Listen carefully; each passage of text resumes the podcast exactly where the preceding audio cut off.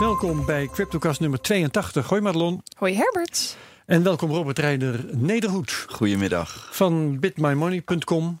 Een van de organisaties die deze Cryptocast mede mogelijk maken. En de andere is satos.nl. Ben ik dat meteen ook kwijt. En we geven geen beleggingsadvies. Heb ik alle formaliteiten afgehandeld.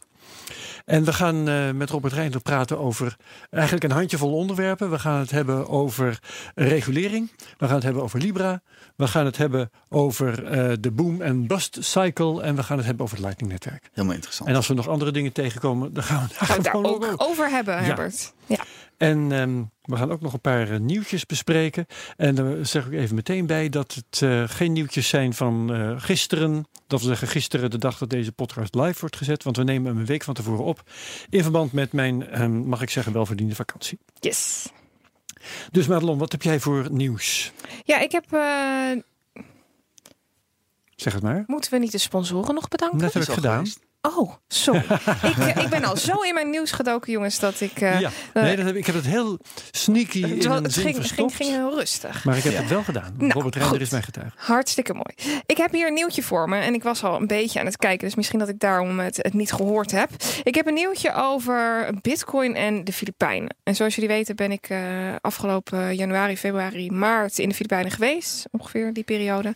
En ehm, daar ben ik best wel geschrokken van de financiële situatie, omdat ehm, het doen van cashbetalingen daar gewoon de normaalste zaak van de dag is. Mensen Mhm. halen geld uit een automaat. Eh, Als de automaat leeg is, dan heb je pech. Dan moet je vijf kilometer verderop. Ze hebben daar bijna niet zoveel automaten. Op sommige eilanden hebben ze bijvoorbeeld maar één automaat waar je geld uit kan halen. Dus het is daar één zootje. Ik woon in een dorp waar helemaal geen geldautomaten meer zijn. Maar dat terzijde. Dat dat hier in Nederland nog mogelijk is. eh. Nou, het, is, het is, ja, we hadden er twee. Maar in de, door Ja, de plofkraak en piek eh, zijn die gewoon verdwenen. Maar we hebben hier wel internetbankieren. En we hebben tikkies, WhatsApp. En daar wordt. Ja, in, in de Filipijnen toch in mindere mate gebruik van gemaakt. En wat ik nu voor een nieuwtje eh, hier voor me zie, is dat de Filipijnen het mogelijk maakt om bitcoin te kopen.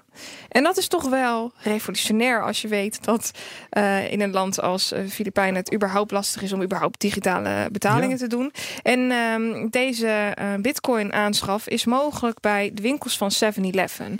Voor de mensen die wel eens in Amerika gereisd hebben of in Azië, dat zijn de winkels die ehm, nou, relatief luxe zijn, 24-7 open zijn, waar je eh, bij wijze van spreken om 4 uur s'nachts nog een pak noedels kan laten opwarmen in de winkel zelf. Supermarktketen. Ja, precies. Ja. En daar betaal je ook met contant geld. En eh, Voor die hier, bitcoins.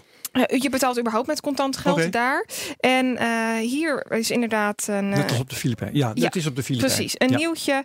En ehm, middels de cryptocurrency app Abra is het mogelijk om daar met cash in de winkel bitcoin te kunnen kopen. En ik vind dat toch wel heel Je gaaf. hebt daar dan wel een app voor nodig. Ja, je hebt er dus een app voor nodig op je telefoon. En doorgaans, eh, niet iedereen heeft daar een eh, goed werkende smartphone. Maar eh, ja, je, je mag er toch wel van uitgaan dat als mensen een beetje oké zijn, dat ze dan wel een relatief oké telefoon hebben. Dat is dan niet een iPhone, maar dat is dan een, een goedkope versie van een mobiele telefoon.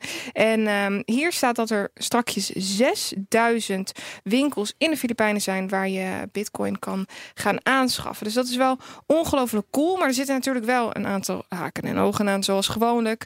Ehm, als je bij de kassa bitcoin koopt en dat dus op de wallet van Abra wordt gezet, dan duurt dat twee werkdagen. Dus dat duurt best lang. Je moet dat doen met contant geld. En over deze transactie moet je 2% transactiekosten betalen. Zo. Ja, dat is eh, nou, behoorlijk fors. Dat komt toch wel in de buurt van een Visa of een, eh, nou, een creditcard. En vervolgens kunnen eh, mensen die dus de crypto's hebben gekocht weer aanschaffen doen met die Abra Wallet. Maar er is nog een, andere, een ander addertje onder het gras. Want je mag maximaal vijf, of minimaal 500 Filipe- Filipijnse peso ehm, als aanschafwaarde gebruiken. Dus je moet minstens 10 dollar inleggen. En ehm, je mag maximaal 1900 dollar in één keer Ja. aanschaffen. Vind ik ook wel begrijpelijk, want eh, eh, doet u mij voor een kwartje bitcoins. Daar wordt niemand blij van, gezien de fees eh, die waarschijnlijk in het spel Ja. zijn. Dat is waar. Maar ja. toch is 10, is 10 dollar is wel relatief veel. Dat staat gelijk aan een 50, Filipino. 50, 80 euro, zoiets. Dus dat is, Ja. is, is best wel, eh, wel veel geld. Adelon, een paar jaar terug hebben we best wel onderzoek gedaan naar mobiele betalingen. Mhm. Want toen willen we kijken of we zeg maar eh, remittance richting eh, Azië konden faciliteren vanuit Europa. Ja. En dan kwam de Filipijnen en ik dacht Bangladesh kwamen daar heel hoog uit. Omdat ze daar systemen hadden vergelijkbaar met M-Pesa in Kenia. Dus mobile money, zeg maar. Dus Ja. ik was benieuwd van, ze hebben heel veel cash. Maar heb je ook gezien dat ze bijvoorbeeld onderling wel met de mobieltjes betaalden? Ja, ze hebben daar een app wat Line heet, als ik me niet vergis. En eh, daar kunnen ook betalingen mee worden gedaan. En qua apps op de telefoon zijn ze nog best wel revolutionair. Want ze hebben daar een andere app. En ik ben daar nu even de naam van kwijt. Gcash. Eh, Nee? Eh, Cash heet het volgens mij. De Cash app, waarmee je ook eh, betalingen kan doen. Daar maken ze wel veel gebruik Ja. van. En ze hebben ook nog een andere app waarbij je dus services online kan bestellen. Ze hebben dus geen app voor bankrekeningen. Maar wel dat je services online eh, kan afnemen. En dat wordt dan ook in de valuta gedaan die ze dan op de Line app hebben staan. En zo kun je dus bijvoorbeeld je nagels stylisten laat, thuis laten komen. Of ja, kapper in huis laten komen via die app. Dus het bankaire stelsel is daar gewoon ontzettend slecht. En er zijn dan banken, of eh, banken, eh, er zijn dan eh, privébedrijven, private bedrijven die daarop inspelen. Op Ja. die, eh, Ja, de grappige telecom markt. operator die biedt dan te goede aan Ja. op je mobiel. En Klopt. dan kun je tussen telefoonnummers geld overmaken. Klopt, Dat- dan doe je ja. een top-up en dat kan ook Ja. in een 7-Eleven en dan krijg je dus extra beltegoed en zo kun je dan elkaar betalen, wat eigenlijk van de zotte is, maar zo werkt het daar wel. Grappig dat, dat Ja. ehm, in, in elk land dan toch weer eigen eh, toepassingen ontstaan, eigen manieren om met, eh, met bitcoin of met mobiel betalen om te gaan, die, die specifiek zijn voor zo'n bepaald land. Ja, Ja, ja, dat gebeurt absoluut. blijkbaar. Dat is met Ideal ook zo. Hè? Als je in Europa Ja. kijkt, is Ideal gewoon de beste betaalmethode online. Klopt. Binnen de hele CEPA-regio. Maar dat wordt wel weer gefaciliteerd vanuit eh, banken, toch? Uit Ja, ja, ja. ja. Dus dat is niet iets wat door Molly wordt gedaan, wat door Nee. een privébedrijf wordt gedaan. En in deze situatie is het zo dat het bankaire stelsel gewoon zo shit is dat er maar bedrijven op moeten inspelen. Dus dat ja, net, Ja. net even tikkie En dat anders. gebeurt dan ook in Maar- de markt. Hè? Ja, ja, dat is waar. Maar het is gaaf dat er nu eh, zoveel mensen toegang hebben tot, eh, tot Bitcoin en andere cryptovaluta. Ik vind dat wel eh mooie vooruitgang. Goed nieuws. Ehm, grappig dat jij over de Filipijnen begint, want ik wil beginnen over Noord-Korea. Mhm. Ook altijd een fascinerend ver land. En ehm, dat, het is een bericht van Vice. En dat heeft als kop North Korea is building its own bitcoin. Nou is Noord-Korea vaak genoemd in verband met bitcoin. Hè?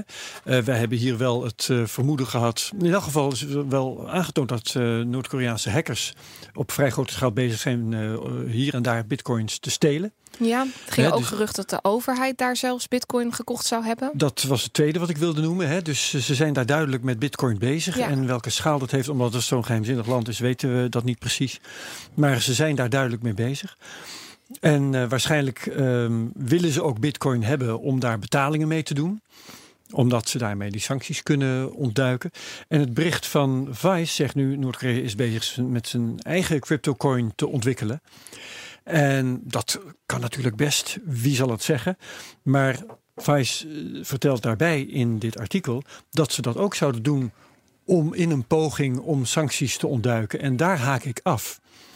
Want als Noord-Korea zijn eigen cryptocoin ontwikkelt, dan is dat zijn eigen valuta. Dan is dat te vergelijken met hun eh, eigen papieren valuta, de won. Mhm. Ehm, mijn punt is, niemand zal dat willen hebben. Ja. Dus ze kunnen honderd keer een eigen cryptocoin ontwikkelen, maar ze kunnen daar nooit mee betalen, want ze kunnen alleen betalen in een cryptocoin die buiten Noord-Korea wordt geaccepteerd. Waarvan wij hier buiten Noord-Korea zeggen, hé, hey, dat is waardevol, dat wil ik hebben. Waarom, je kijkt een beetje moeilijk het land. Waarom zou jij de Noord-Koreaanse digitale won? Nou, in intern eh, binnen eh, Noord-Korea zou het nog best interessant kunnen zijn. Ja, dat Omdat- is wat anders. Ja, precies. Dus voor de burgers om, om geldontwaarding bijvoorbeeld tegen te kunnen gaan. Dat is eigenlijk de Noord-Koreaanse Libra. Ja, nee, ja, maar- ja, ja zo, zou je dat het kan ik me kunnen dus wel zien. voorstellen, maar niet wat Vice zegt, dat het een instrument zou kunnen zijn om sancties te ontduiken. Nou ja, als die wong blijft staan, dan worden de sancties vanuit bijvoorbeeld Amerika of Rusland of whatever, welk land het ook mag zijn, die worden dan op de wong ge, eh, ge- gezet. En niet op een digitale currency die alleen geldig is binnen hun eigen landsgrenzen. Dus daar zouden dan, ehm, kijk, de export en de import heeft sowieso last van eh, sancties op de wong. Maar als je een intern systeem hebt, daar kan niemand sancties op uitoefenen. Nou, ja, je, als je een bankrekening opent, dan, dan staat er gewoon bij: doe je zaken met landen die op deze, deze lijst voorkomen. Dus het is natuurlijk niet zozeer of je per se geld erheen overmaakt, maar het is gewoon: Nee, maar sancties Nee, je mag betreffen gewoon geen zaken Nee, doen. mijn met, punt is, sancties betreffen per definitie eh, grensoverschrijdend Ja. eh, verkeer. Ja, Hè? maar als je Dus intern, eh, is de- stel jij hebt een bankrekening eh, in Noord-Korea en jij wil eh, geld overmaken naar de bakker, omdat jij een betaling doet en een brood koopt, dan is het toch niet vreemd dat je dat dan in een andere currency zou doen dan een currency die onderheven is aan inflatie, sancties, import, export. Ja, maar de, de spraakverwarring die wij nu hebben is... Vice beweert, die eh, digitale coin van Noord-Korea... zou hun kunnen helpen sancties te ontduiken. Sancties Oh, is internationale handel. Ja, nee, dat en kan die kan nooit niet. afgerekend worden in de Koreaanse won, want niemand Nee. wil dat ding hebben. Ja. Nee. Kan ook nooit afgerekend worden in een digitale currency die Noord-Korea bouwt. Ja. Dat is mijn punt. Dus Noord-Korea mag best een eigen coin bouwen. En die Maar import- en exportsancties ontwijk je nooit. Ook Nee, niet met een andere currency. precies, want niemand zal die accepteren. Daarom, dat was mijn punt. En eh, de- verder is het, eh, ben ik benieuwd eh, of ze dit echt gaan doen. En wat ze verder in bitcoin allemaal. En trouwens, ik zou zeggen, als zij sancties willen ontwijken... dan moeten ze ze in Monero zien Ja. te betalen. En eh, die is er al. Nou, je moet natuurlijk überhaupt een partij vinden die bereid is om iets te leveren of iets eh, te kopen van je. Dat, dat in de eerste plaats. En dan, zou Monero wel een oplossing bitcoin zijn en een eigen accepteert. Ja. Ja, want stel dat jij olie wilt kopen van de Shell, ik noem maar even een dwarsstraat. Dan weet ik niet of Shell zin heeft om bitcoins te accepteren als ze al zin hebben om met Noord-Korea zaken te Ja. doen. Dus dat is allemaal ingewikkeld, eh, maar het is ons probleem niet. Dus dat was mijn nieuws voor deze keer. Dat is een interessante casus. Ja, omdat we deze eh, podcast van tevoren opnemen in verband met vakantie, hebben we geen koersen te bespreken, geen microcashje te bespreken. Dat is Klopt. jammer, want het zou best kunnen dat de- tegen de tijd dat deze, eh, deze Korea, deze podcast live gaat, eh, dat eh, de koersen zijn uitgebroken uit die hoek waarin ze aan het kruipen waren. Ja, want Bakt is net live gegaan. Bakt is, als het goed is, net live gegaan. Maar ja, dat bespreken we dan wel een weekje later. Zit Zeker. weinig anders op. Ik heb wel een metavraag. Metavraag. Ja, dat is, hè, we hoeven- je bent gestopt met het sparen en je hebt het omgedraaid in micro, mi- Ja, microcashen. Ja, lastige ja, term. zeker. En we gaan natuurlijk straks hebben over de, de op- en neergaande cycles, zeg Ja. maar. En in principe heb je een vrij korte adem getoond door al nu al te gaan microcashen. Zeker. En eh, dus ik vroeg me eigenlijk af wat de bewe- beweegreden was. In principe duurt die cycle vier jaar of zo. Dus je zou eigenlijk Ja. minstens vier jaar moeten eh, sparen De- de elke reden- week. de- precies. Dat is een hele goede vraag. En de reden is eigenlijk vooral dat ik een podcast te maken heb. ja, ehm, want eh, het sparen via dat dollar cost average elke week 100 dollar. Ja, Ja, daarvan saai. was het punt langzamerhand wel gemaakt. Je gooit er elke week 100 dollar bij. Dus op een gegeven moment ben ik daarmee opgehouden. Van, we, we kennen het nu wel. Ja. Eh, ik was door een dal gegaan en was over een top gegaan. En dus het effect daarvan was duidelijk. Dus ik zal maar zeggen, het educatieve doel daarmee was bereikt. Er was, het punt was gemaakt. Ja. En toen heb ik gezegd, van, nou tegen de tijd dat eh, de koersen leuk gestegen zijn, ga ik cashen. Eh, ja, wanneer moet je dat dan gaan doen? Weet je, Robert Reijnen, ik had zin om dat te gaan doen. Dus de allereerste eh, drempel die we overgingen, waarbij ik dacht van nou heb ik een excuus om dat te gaan doen, dat was de 10.000 dollar. Ja. Ben ik dat maar eens gaan doen. Ja, Maar eh, het is daarom zo'n goede vraag, omdat ik intussen ook ben gaan denken, omdat de koersen zijn een beetje gestagneerd en zo sindsdien, jammer. Ehm, als ik dit privé zou doen, dan zou ik het anders doen. Ik zou inderdaad A, langer wachten.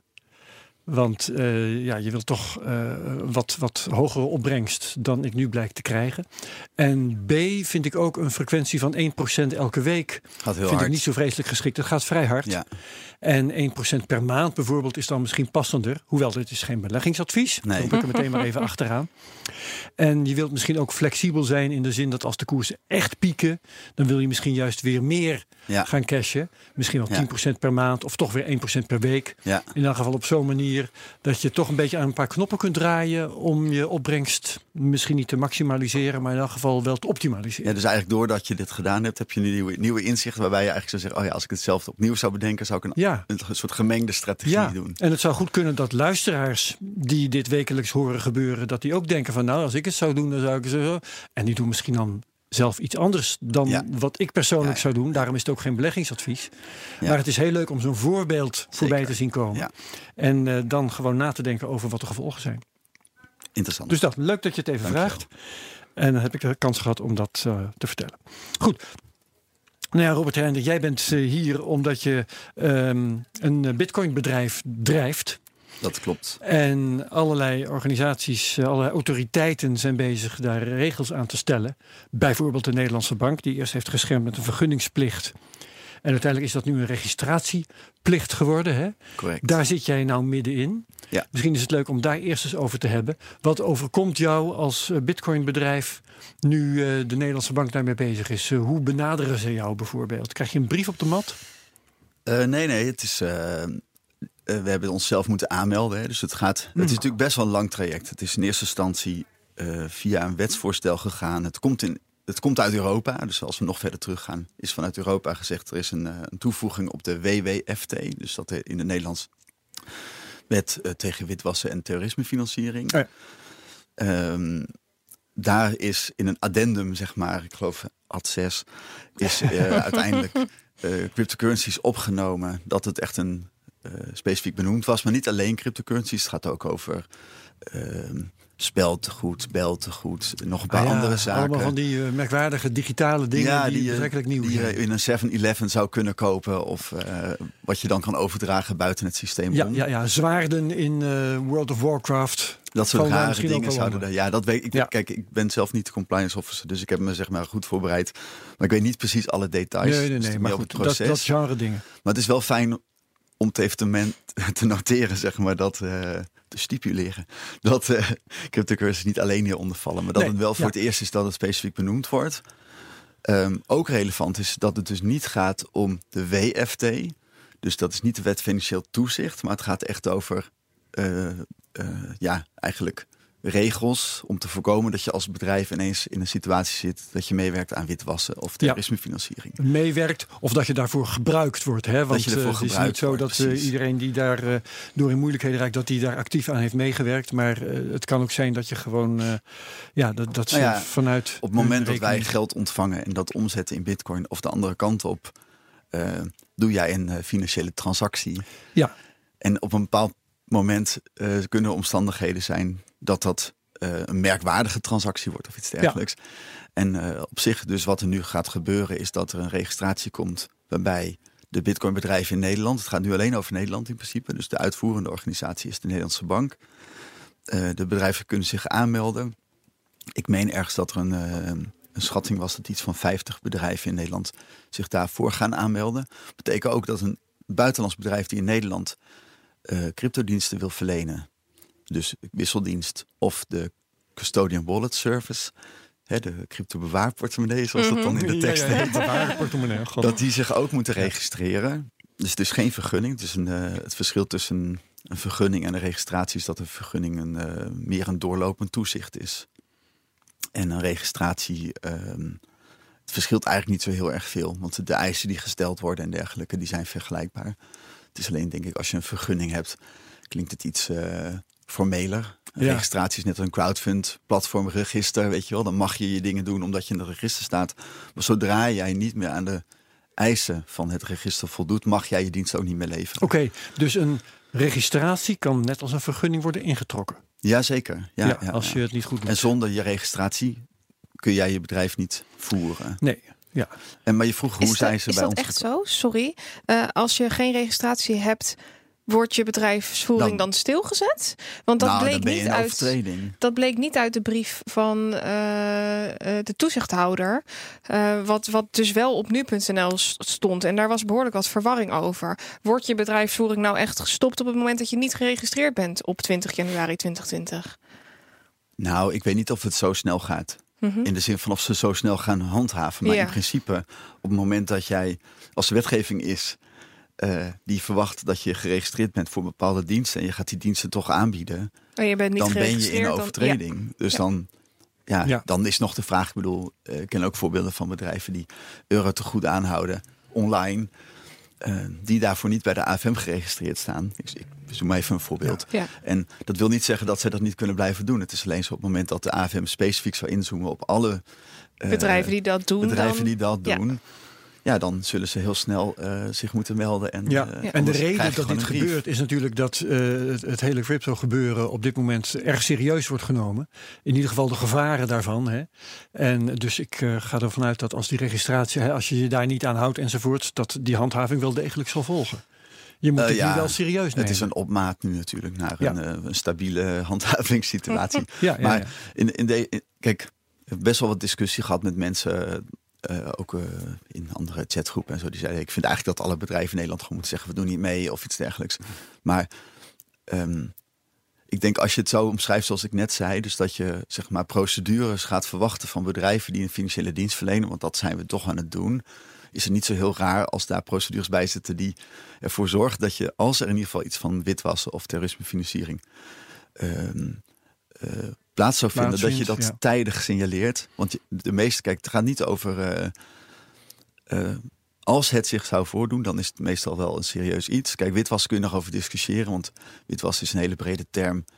eh, die, die formeel iets zegt over dat je de herkomst van het geld probeert te verhullen. Nou, Ja. dat, ehm, dat vind ik te ver gaan. Hè? Dat, is, dat gaat ook over privacy. Dus dat is nog een beetje een.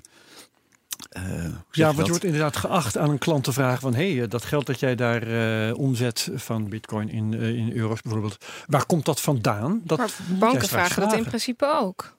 Ja, nee, dat is dus, ik denk dat dat ook een andere discussie is. Want ik denk dat als je die discussie wil voeren, dan moet je dat niet alleen zeggen voor de cryptobedrijven. Moet je het algemeen zeggen. Wat vinden wij als Nederlander acceptabel? Dat- Ja, maar Bedrijven dat van je vragen. de, Ja. de eisen die ze nu gaan stellen zijn niet veel anders dan wat ze bij eh, juweliers en, en ik zeg maar even autohandelaren ook gaan stellen. Namelijk dat wij bij eh, ja, opvallende transacties, eh, dat is een subjectieve indicator, zeker. ehm, eh, de mogelijkheid hebben om dat ook te melden. En trouwens, dan zeg ik het verkeerd, er komt nu wel een verplichting om dat te melden. Maar dat is bij een juwelier ook al zo. Als jij met, met 15.000 euro bij een juwelier komt, dan zijn zij verplicht, Contant. die, ook contant, dan zijn Ja. ze verplicht die melding te doen. En trouwens, volgens mij, als je met een eh, creditcard eh, zou betalen, wordt volgens mij ook gewoon vanuit de bank een signaal gegeven. Deze klant heeft nu 15.000 euro uitgegeven. Dus dat is één, Ja. ik vlieg er een beetje overheen, maar één groot voordeel, denk ik, voor de Bitcoin-bedrijven is dat ze nu wel kunnen melden als er raar gedrag is. In eerste, eerste instantie was het zeg maar niet dat nou veel gebeurt, maar het gaat meer om Mhm. hè, die hypothetische situatie dat iemand probeert. eh, ik heb wel eens het voorbeeld gegeven dat we ook wel eens gebeld zijn. ehm dat is al wel een paar jaar terug hoor, maar dat eh, die, iemand die dan een, eh, een klant in Zwitserland vertegenwoordigde. Nou, we hebben Europa in principe als gebied waar wij juridisch gezien klanten gewoon accepteren. En die wou dan 50.000 euro, zeg maar even iets, contant komen brengen. Ehm, en wisselen naar bitcoin toe. Ehm, nou goed, dat, dat is natuurlijk al heel opmerkelijk. Vrij. dat hebben we ook niet gedaan, zeg maar. Want dan zeggen we, nou ja, het kan. Het kon toen in principe nog. Maar dan ga je dus wel inderdaad herkomst van geld vragen. Identiteitspapieren en dergelijke. En dan krabbelen die mensen ook wel vrij snel terug. Goed, Waarmee, eh, dat, dat is dan meteen ook weer een aanwijzing dat het niet kosher was. Dat is een aanwijzing. Ja, of ze zijn heel erg gesteld op hun privacy in hun beleving. Maar Ja, het gaat ook, er niet ja. zozeer daarom. Maar het is meer van, konden daar op, moment, op dat moment kun je daar als bij bedrijf niks mee. Want als je dus wel zou gaan melden, dat is ons echt geadviseerd, zeg maar, door juristen. Dan schaadt je aan de andere kant weer eh, privacy van degene die bij je Als komt. je dat vrijwillig doet. Als je dat- is het eigen Ja. beweging. En Ja, nu ja, is het ja. zo dat we gewoon onder bepaalde regels vallen. Dus dat is Ja. echt maar even een voordeel dan. En je weet ook wel bij welk loket je moet wezen, neem ik aan. Ja, dan ja, bij is de Financial. Intelligence AFM, Unit. Ja. Die is daarvoor eh, in het leven geroepen. Ehm, dus elk voordeel heeft zijn nadeel ook hierbij, zeg maar. Hè. Dus eh, van ja, ehm, het zal voor een aantal mensen betekenen dat als zij voor, nou ik zeg maar even iets, maar 25.000 euro in bitcoin willen gaan kopen, dat er een vraag kan komen, hoe kom je aan die 25.000 euro? Ja. Ehm, eh, maar goed, wat Madelon zei, dat is nu eigenlijk ook al zo als jij, nou goed, eh, iets anders gaat kopen van waarde Ja. met zo'n groot bedrag. Ja, bijvoorbeeld een auto en, en de bank die, die vraagt je sowieso waar dat geld dan van afkomstig is. En dat moet je ook hard kunnen maken.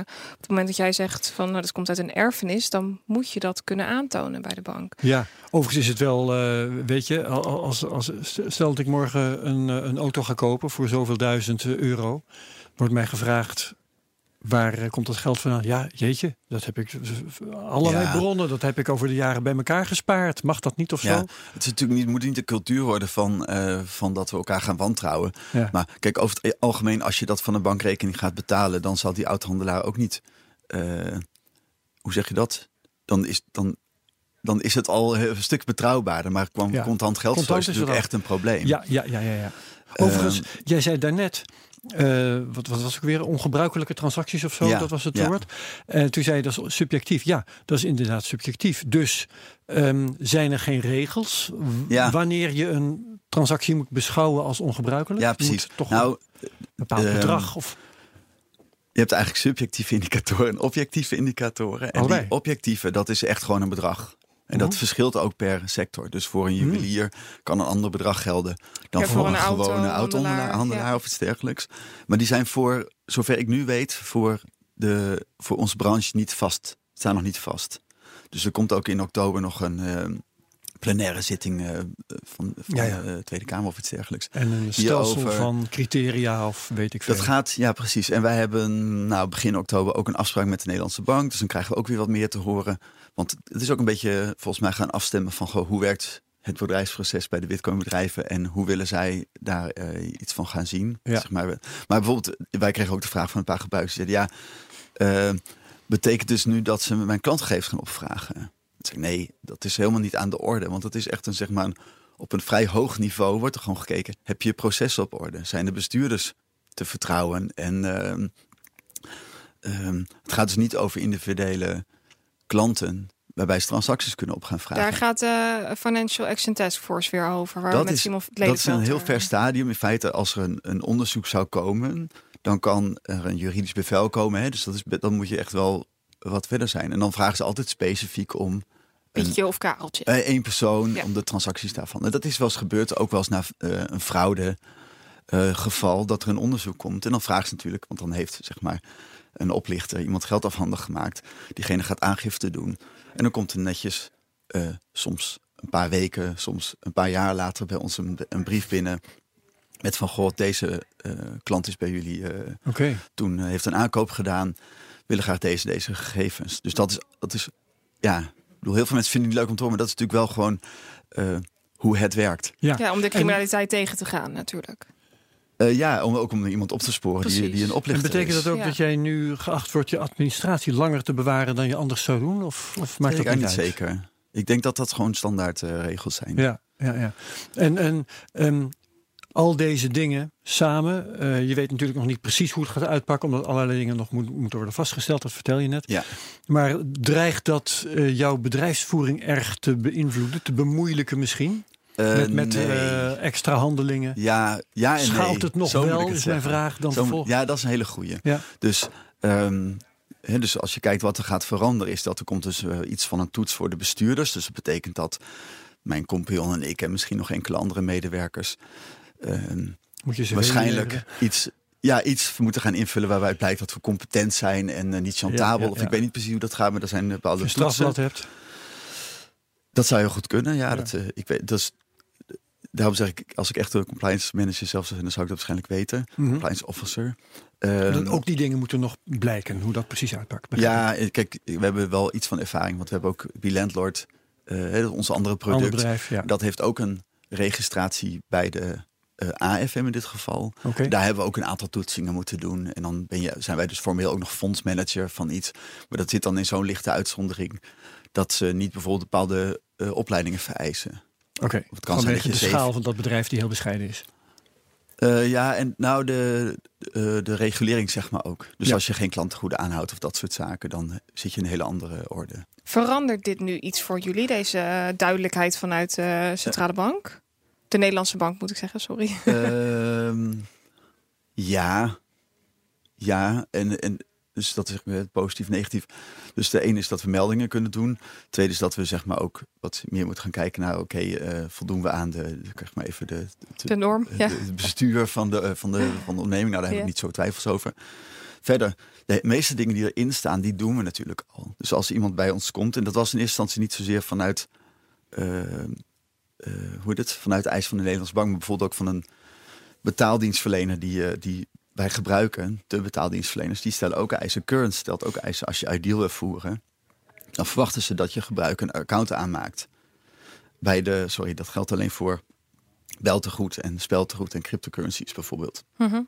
omdat ze dan over de transacties heen kunnen zien, weet je wel, eh, dat het sneller dat het afwijkt.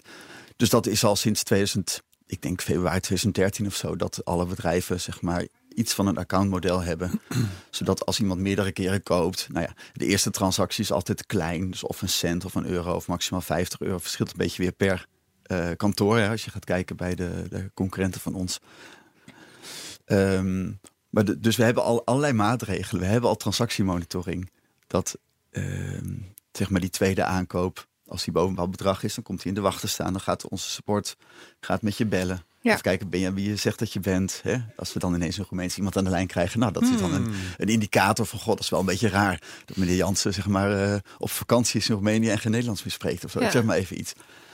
En, uh, maar dat is voornamelijk wat we nu doen, is gericht op consumentenbescherming voorkomen van fraude en oplichting. En destijds was het ook zo dat er uh, bijvoorbeeld mensen waren die middels de Microsoft-fraude ja, uh, dan geld moesten overmaken naar een bepaald Bitcoin-adres. Oh, dus Bitcoin moesten kopen en eigenlijk helemaal geen idee hadden wat ze aan het doen waren. En dan is het goed dat, als jullie eventjes bellen. Van, wat daar gebeurt, wat, wat in zo'n situatie gebeurt, is dat je wordt afgeleid via de telefoon.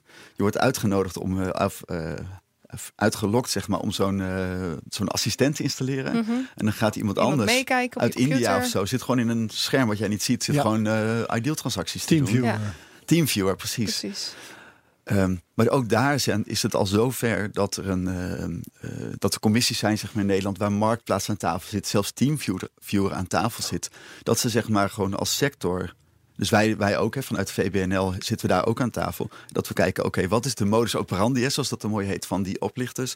En hoe kun je nou gezamenlijk uh, het vroegtijdig detecteren of voorkomen? Want dat zijn gewoon ja, onschuldige, zeg maar even eh, ik wou zeggen naïeve, maar dat is, ze zijn echt goed, zeg maar, die oplichters. En je wordt zo voor of 50, maar soms ook gewoon 5000 euro uh, afhandig gemaakt. Ja. En die oplichters kiezen dan voor Bitcoin, omdat dat natuurlijk lekker. Uh, maar toen ik, toen ik net uh, vroeg, met al die extra taken, administratieve taken, eh, controletaken.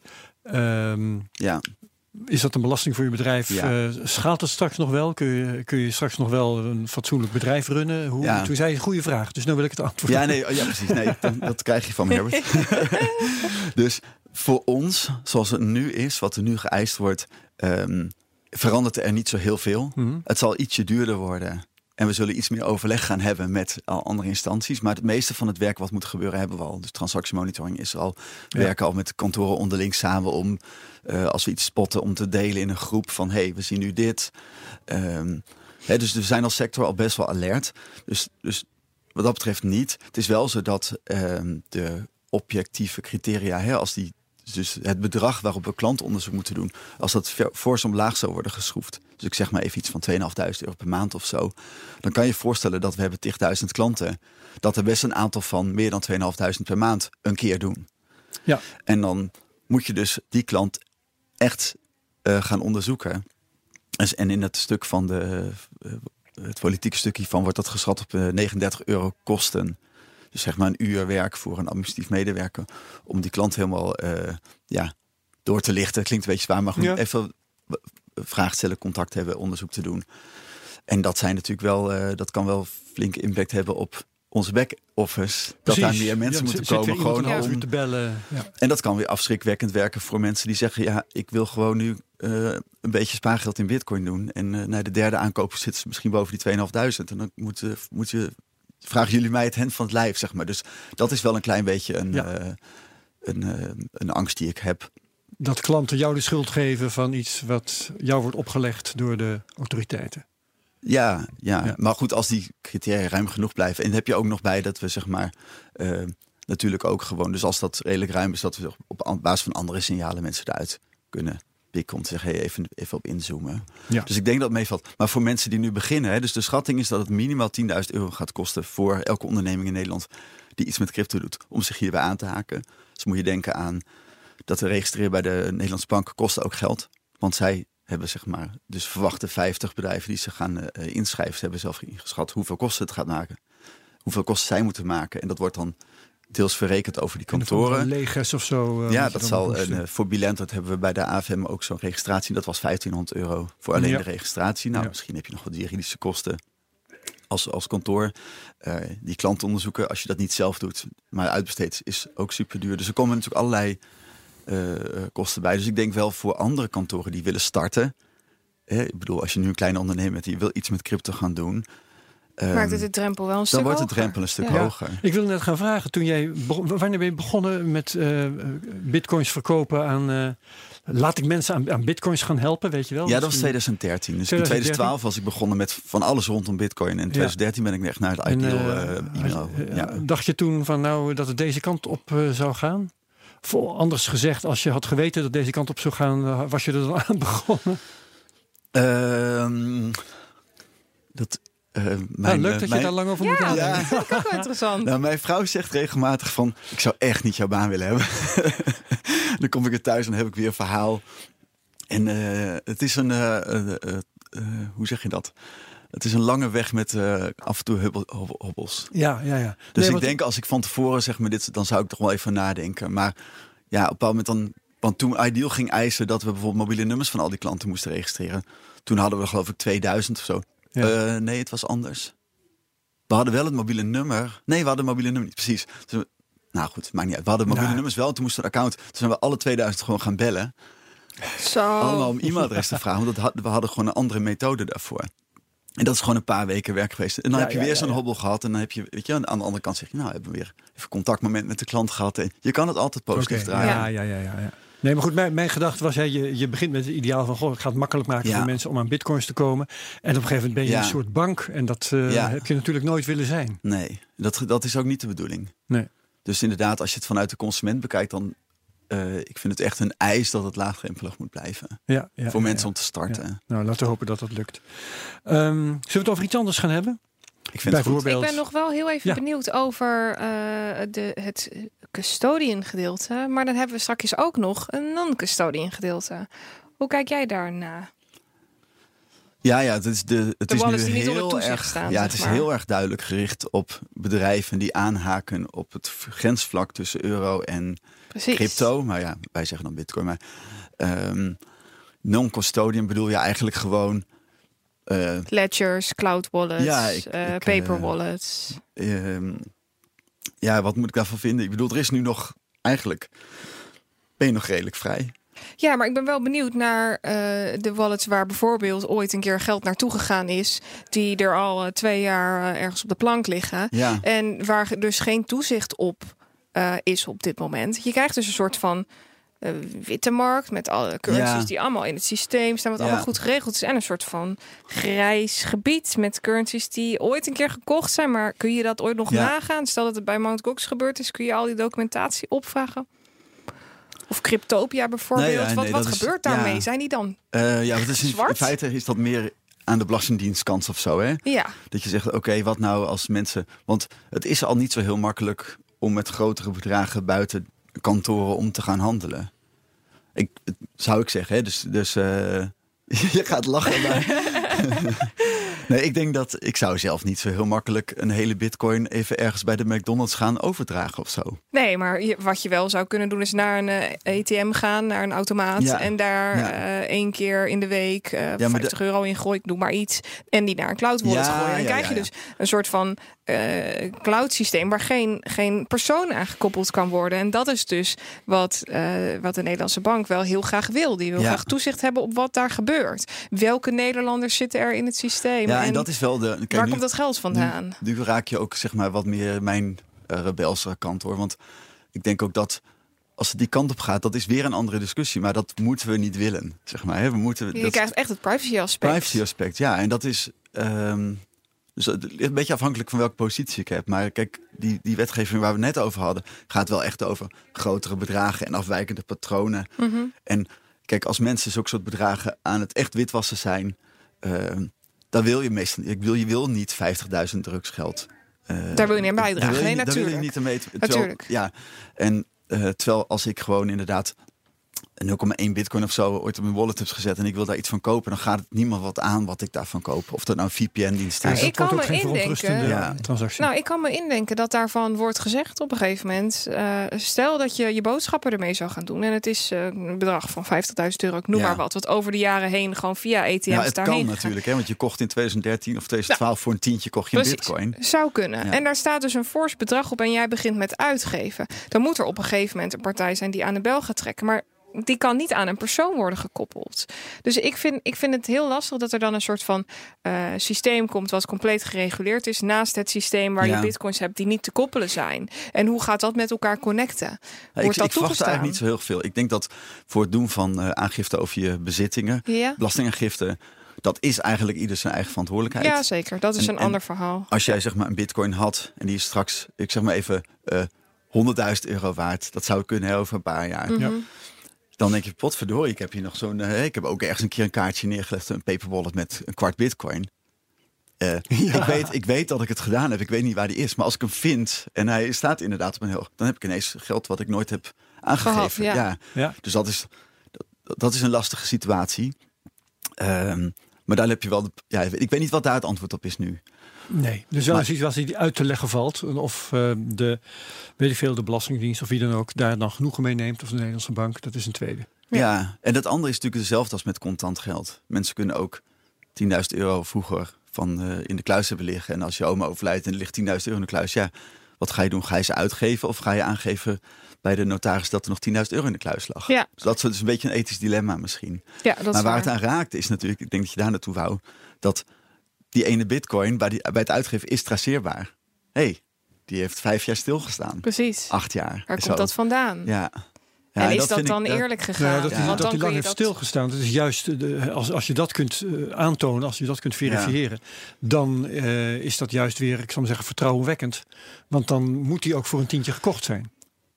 Ja, alleen je wil, in dit geval denk ik, wil je helemaal niet aan iemand moeten verantwoorden waarom, Waarom jij 10 jij- euro nee, uitgeeft. Nee, en, nee, eh, nee, nee, dat is waar. En, en ik denk dat dat, dat gewoon wel als Maar dat je recht niet voor wil- moet Ja, blijven staan. het kan dus om hele kleine bedragen zijn die jij uitgeeft bij het boodschappen doen. Waarvan zij ook kunnen zeggen: hé, hey, maar dit is een wallet die al heel lang stil stond. Hier moeten we eventjes eh, dieper onderzoek naar gaan Ja. doen. En dat lijkt, dat lijkt me Ja. heel naar. Dat, dat, dat Ja, er dan een maar partij dat het naar is, wil niet zeggen dat het eh, niet zal moeten.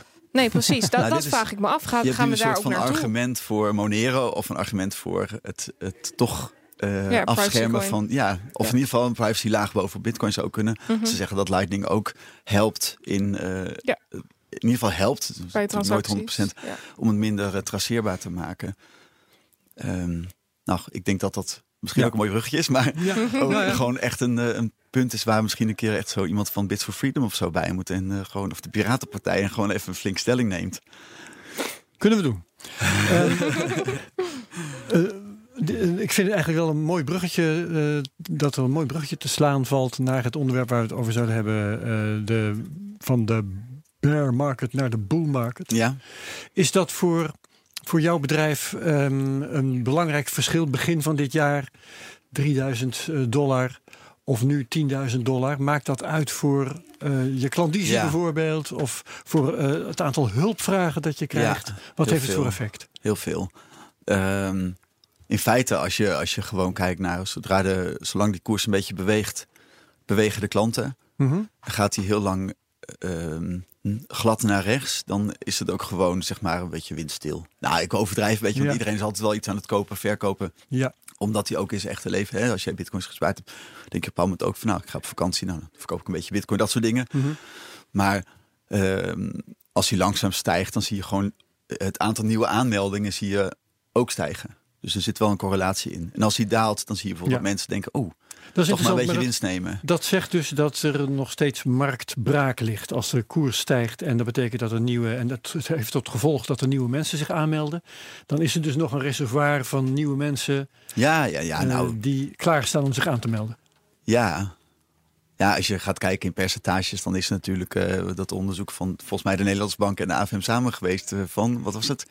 Mei 2018 of oktober 2018. Dat er eh, iets van 600.000 huishoudens crypto zouden bezitten. Nou, Ja. dat is natuurlijk nog steeds maar een fractie, fractie van Ja. Nederland. Maar ik vind het En- wel veel. Absoluut Ja. gezien. Ja, nou, dat zijn er alleen nog maar meer geworden. Ja. Want dit jaar zien wij Ja. ook gewoon... Ik bedoel, hij is natuurlijk keer drie gegaan zo ongeveer sinds Ja. het de laagste punt. Maar voelt dat ook echt zo? Heb je het gevoel dat het ook echt keer drie gegaan is? Nee, Nee, hè? Dat is echt... eh je bedoelt ik de ook prijs to- nu, het Ja, ik heb ik ook echt totaal niet dat gevoel. Dat we echt keer drie gegaan Het is zijn. meer, nee, eh, het gevoel, dat, bedoelen jullie misschien, het gevoel is meer ehm, verloren terrein herwonnen of zo. Ja, Ja, zoiets. ja. Een soort van achterstand ingehaald. eh, en we zijn nog steeds aan het rennen. Zo- Zo'n gevoel heb ik. Ja. Maar we zijn er nog Nou, niet. rennen weet ik niet. Maar ik had wel, ehm, toen die heel laag was, toen werd het qua bedrijfsvoering werd het ook gewoon meer een uitdaging. Want als hij net heel 2018 was hij natuurlijk uiteindelijk, in het begin was het nog best wel al op en neer, maar lang aan het dalen. En dan merk je dat zeg maar, ik ben best wel een gelovige, zeg maar. Dus ik, de koers is niet super bepalend. Maar ehm, dan zie je allemaal andere dingen gebeuren. Dus de blockchain Ja. hype viel wat weg. Dus ook het gevoel van de, de potentie van de techniek. niet meer. Ja. Ja, er kwam van, eigenlijk was het echt wel even wind tegen, zeg maar. Ja. En ehm, Maar ook op onderliggend vlak. Want we hadden in januari juist dat er heel veel positiviteit naar buiten kwam over Lightning, over het onderliggende, ja, eh, eh, het hele protocol zeg maar ja. zelf. En toen deed de koers niks. En daarna ging die koers ineens. En toen, nu, nu is er Ja. onderliggend vrij weinig. oh ja. Ja, ik heb, daar een, ik heb daar een theorie over. Ja, het is, je hebt natuurlijk wel van, eh, van Plan B gehoord. Ja. En, ehm, Dat is het verhaal dat de Ja. ehm, eh, stock-to-flow ratio, Ja. geval, hoeveel bitcoins er eh, regelmatig bijkomen en hoe zich dat verhoudt met de voorraad. En eh daar gekoppeld het feit dat eh, de halvings vooral de drijvende kracht zijn achter koersprongen. Ja, volgens mij had je het vorige week. Hebben we het er ook over gehad? Ja, dit en nog Ja. het andere model. Nou, dit- Precies. dit- niet zo erg is, maar die is nogal optimistisch over de toekomst, gebaseerd op het verleden. En dat vind ik wel waardevol, inderdaad, deze waardering, die, of eh, ja, dit model, zeg maar, wat Ja. ook vergelijkbaar is met, Met een model voor goud, Ja. zilver en andere commodities. Ehm, maar wat je nou zag, was eigenlijk in maart heeft hij op Twitter of op Medium heeft hij dat artikel gepost. Hij was er al iets langer mee bezig, maar hij heeft, in maart heeft hij dat gepost en op Twitter gezet. Hij heeft volgens mij in een jaar tijd 40.000 volgers eh, gehaald. Ja, ontzettend veel. Heel erg veel. En dat zijn natuurlijk heel erg veel mensen binnen die eh crypto-wereld. En ook mensen met wat meer eh, financiële armslag, zeg maar, Mhm. dan, wij, wij, dan dus wij drie hier. Dat plan B dit heb- veroorzaakt heeft? Ik heb, ik heb, mijn theorie is wel, als je kijkt dat. Eh, ik, bedoel, ik, had, ik voelde het zelf ook. Ik denk van hè, eindelijk een soort van een, een waardemodel wat ja. gebaseerd is op soort van fundamentals. Ik Ja. bedoel, je kan zeggen wat je wil, maar eh stock to flow en dat is wel iets wat relateert aan aardse eh, eh, parallellen, zeg maar. Hè? Ja. Dus schaarste en eh, nou goed. En wat je dus ziet is dat ook vanaf maart die koers best wel snel omhoog gaat. En uiteindelijk nu al best wel lang rond die 10.000 dollar blijft hangen. Ehm, wat toevallig nou net ongeveer de grens is die zijn stock-to-flow model aangeeft. Aha, dus ik heb een beetje het gevoel dat het een soort self-fulfilling prophecy aan het worden is. En dat dan is nu de vraag, wat gaat er gebeuren als die halving dichterbij komt? Maar met maar 40.000 mensen die hem dus volgen op Twitter, ja. zou je een paar miljard koersbeweging, nou wel meer, zou, zou je bijna 10 miljard bij elkaar moeten hebben op 40.000 Nee, mensen. Het, is, het verschil is in marktkapitalisatie. Hè. Dat wil niet zeggen dat dat geld ook werkelijk naar binnen is gestroomd. Nee, dat is waar. Maar als je kijkt naar een, een stijging van 10%, daar heb je ongeveer 2 miljard voor nodig. Mhm. Ehm, nu, op dit moment. En ten tijde van Ja. die 3000 had je natuurlijk een stuk minder nodig. Dan gaat het over tonnen per persoon. Het is een, Ja, dat is een wel beetje veel heel veel. gevraagd. Maar wat, Ja. wat wel bekend is, ik weet niet of je dat nog herinnert, Herbert. Wij hebben toen met Mark van der Scheijs gesproken. En die zei ook, vanaf april zijn echt de family offices begonnen met kopen. Ik weet niet of die naar Plan B kijken Ja, hoor. maar ik denk eh, toch. Ik, kijk, het is, het is natuurlijk een enorme hypothese. En ik weet niet of je hem ooit kan gaan toetsen of zo. Maar Moeilijk. als je zeg maar kijkt, ook naar dat, die situatie, dan zijn mensen toch op zoek naar hoe kan ik nou, weet je wel, beargumenteren. Ik kan wel zeggen, oh, elke dag is een goed begin om met Bitcoin te beginnen. Ehm, Wat je ook zegt. Wat wij ooit op BNR als, eh, als reclame hebben gedaan. Hè? Ja. Of, eh, nou, ik weet niet hoeveel. Heel erg leuk. ja. Heel leuke Ja. reacties ook gehad van de luisteraars.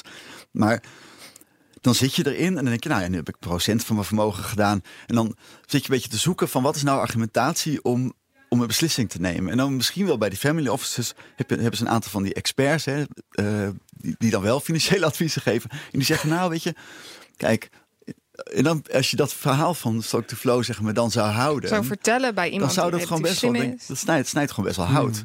Ergens. Dus nou goed, ik bedoel, het Ja. is een theorie, we gaan het zien. Ik, weet- Maar mijn, mijn vraag was naar jouw bedrijfsvoering. En ja, eh, je vertelt dus eigenlijk in eh, 2018 met de, de zakkende markt eh, ging het slecht. En eh, nu de markt aantrekt, is ook allemaal heel logisch. Gaat het beter, komen de nieuwe klanten weer toestromen. ja, zeker. En als ja. het straks naar 20.000 gaat en misschien nog daar voorbij, dan verwacht je nog meer toeloop. ja.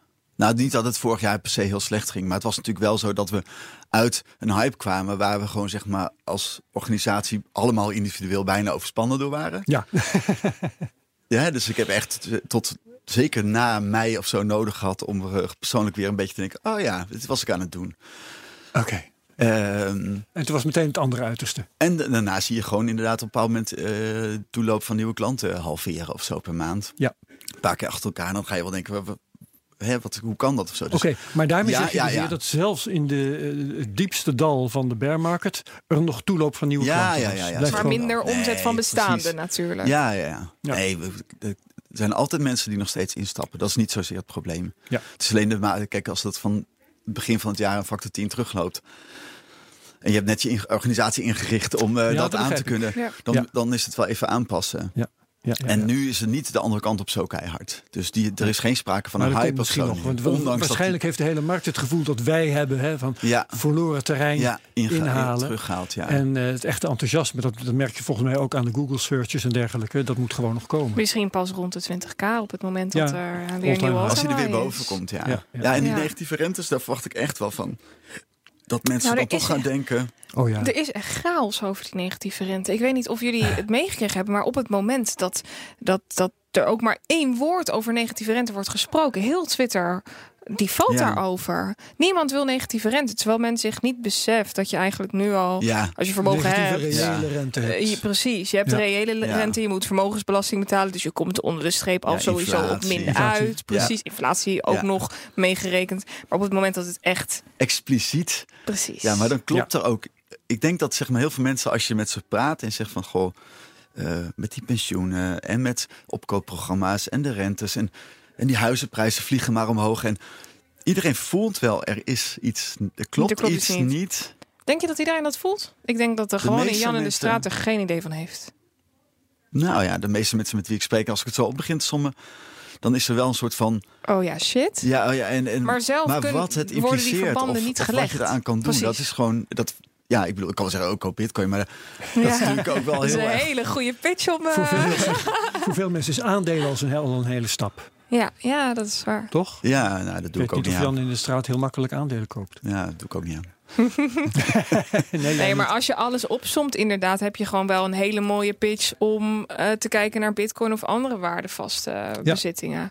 En, en ik heb wel het idee dat het overgrote deel van de mensen het niet doorheeft. Maar pas op het moment dat je uitlegt, de obligaties gaan niet lekker, de banken staan op omvallen, et cetera. Uh, aandelen zijn al zo hoog als ik weet niet wat. Huizenprijzen zijn heel duur. Dat mensen dan ineens denken: oh ja, ja, je klopt inderdaad iets niet. Maar ja, wat doe je eraan? Ja. Dus het, het, moet, het moet iedereen voorgeschoteld worden en pas dan merk je dat nou, het niet ik, helemaal klopt. Ik probeer een soort van slag te maken dat, dat eh, het financieel systeem wat eh, jarenlang in een zeker aspect goed gewerkt heeft. dus de, de, we hebben natuurlijk enorme welvaart bereikt. En uh, iedereen, uh, in ieder geval van, van onder de 40 of onder de 43, zoals ik dan, heeft goed kunnen studeren over het algemeen. Alles wordt nu afgebouwd, alles wordt mhm. een lening. Wordt, maar we hebben natuurlijk hele goede tijden gehad. Uh, de keerzijde is wel dat eigenlijk een milieu daar nu een beetje de, de, de, de prijs voor betaalt. Hè. Dus de hele, Bedankt hè. nou ja, dat is ook mijn motivatie. Dus je ziet nu heel, heel veel klimaatprotesten. Ze weten eigenlijk niet precies, ja. de politiek moet wat gaan doen en niemand luistert. Maar wat, wat moet er nou eigenlijk gebeuren? En die maatregelen. en dan zie je eigenlijk weer de, de, de, impasse eigenlijk van het democratisch model. Hè? Dus die landen onderling gaat het niet komen. Europa gaat niet maatregelen nemen. Want oh, als wij het doen, dan gaat eh, Luxemburg erop vooruit. Of als we Schiphol uh, de kerosine duurder maken, vliegen ze allemaal over België en Duitsland. En de motor van de. Dat is allemaal heel erg moeilijk. En mijn, mijn persoonlijke slag is nu een beetje dat ik toch begin te geloven dat Bitcoin hè, als financieel model, echt een vervanger van de centrale bank, uh, een hele kleine nieuwe economie is die langzaam groter wordt met vergelijkbare regels. Uh, hè, dus uh, als je geld leent in bitcoin, is dat riskanter. Dus het is vergelijkbaar, maar veel riskanter. Want die kan morgen, of volgend jaar kan die twee keer zo hoog staan. En dan moet je twee keer zo hard werken om het terug te betalen. Dat allemaal van natuurlijke redding. Te lang mhm. verhaal. Maar dat als die economie begint te groeien, dat mensen dan een keuze krijgen. Dus als er ook wat vertrouwen krijgt van hey, hoe werkt dat nou eigenlijk? Maar goed, dat is dus wel ja. Hm. Als jij obligaties zegt, dan denk ik al ja. wat is een obligatie ook alweer, weet je wel? Kijk, pensioen heb ik nog een beeld van, maar... Terwijl je wil eigenlijk dat mensen allemaal een soort van Ieder- iedereen moet dan worden. denken, oh ja, obligaties, ja, de, logisch. We worden allemaal macro-econoom en Ja. zien dan de superioriteit van bitcoin in. En dan dalen we af en dan worden we weer consument in de bitcoin-economie. Dat is een beetje de route. Ja, je, ja, je moet eerst hard vallen voordat we weer, eh, weer omhoog gaan. Maar eh, nog Ja. even terug naar eh, Bitcoin als cycles, zeg maar. Want Bitcoin door, doorloopt eigenlijk telkens dezelfde cycles. Bitcoin heeft nog nooit eerder een crisis meegemaakt. Eh, hè, wat? Bitcoin economische crisis. heeft nog nooit eerder Oh, een ja, economische crisis. Ik gevoeld. market, aan de- aan de- economische crisis. We hadden het net over waar Ja. moet je in zitten. Nou, niet in Ja. obligaties, niet in aandelen, Ja. niet in vastgoed. En wat blijft er dan nog over? precies wat goud doet in een, in een echte economische crisis. Je Ja. weet niet wat de bitcoin doet in een echte Precies. Wat, economische wat, crisis. Nou, ik meen een mij te van? herinneren dat Willem Middelkoop in de CryptoCast hier toen iets over gezegd Ja, heeft. die vindt daar wel wat van. Mhm. En die zei toen, nee, het is heel erg voorspelbaar. Volgens mij trok hij de parallel met goud. Het, het geld gaat een veilige haven zoeken en er is heel veel geld. En een van die veilige havens zou bitcoin zijn. Ja. Als ik het goed onthouden heb. En dat Maar- gaan we meemaken. Maar niet iedereen is, is überhaupt overtuigd dat er een crisis aankomt. En hij wordt natuurlijk wel lekker langzaam jaren vooruitgeschoven de laatste paar jaar. Maar Ja. het zal toch wel. Hier wou ik het even bij laten wat eh, Ja. dit onderwerp betreft. Het ging over jouw bedrijfsvoering. We hadden nog twee onderwerpen. Daar moeten we denk ik één van kiezen. Zullen we het nog hebben over Libra of over Lightning? Ja, ik vind Lightning natuurlijk interessanter. Oké, ik heb vorige week, eh, dat weet je misschien, eh, voor het eerst een Lightning betaling gedaan. Dus In dat, eh, dat was verbazend makkelijk en verbazend goedkoop. Wat gaat Lightning voor jou betekenen, opleveren? Ehm, wij kijken ernaar. En ik heb Mhm. ook re- recent wat omheen gevraagd van wat is nou eigenlijk de reden dat ze toch nog blijven zeggen. Want Lightning is natuurlijk bijna twee jaar volgens mij enigszins actief. Eh, waarom zeggen ze nog steeds, je kan het niet op grote schaal gebruiken? Want dat is wel een beetje waar het op neerkomt. Hè? Maar Bitkassa heeft heel goed werk gedaan in Arnhem... door gewoon al hun eh, winkels die daar eh, bitcoin accepteren... gewoon te laten accepteren. Ja. Het zou voor ons betekenen dat gewoon bij het versturen de fees... eraf, kunnen. eraf kunnen. Dus Ja. dat is nog best wel een, een rem natuurlijk voor mensen als... Hè, dus dat tientje wat je zei in, op de Filipijnen... dat geldt bij ons natuurlijk ook een beetje. Eh, als je dat gaat versturen en je betaalt een euro of twee euro aan transactiekosten naar de blockchain, dat word je niet vrolijk van. Nou, met Lightning zou dat gewoon ja, een cent worden of een fractie van een cent, Ja, zoals bij precies. jou. Ja. Dat is fijn. Eh, betalingen tussen gebruikers gaat makkelijker. Dus als mensen naar, eh, van, van ons naar Binance willen om daar allemaal andere gekke muntjes te kopen, dan Ja, wordt Maar dat, dat, is, dat is nog heel plat, met alle Ja. respect, bij de dingen die je toch al doet. Maar het bestaan van Lightning Network, gaat dat in jouw ogen de populariteit van Bitcoin vergroten? Gaat dat eh, echt eh, het verschil maken? Ja, ik denk het wel.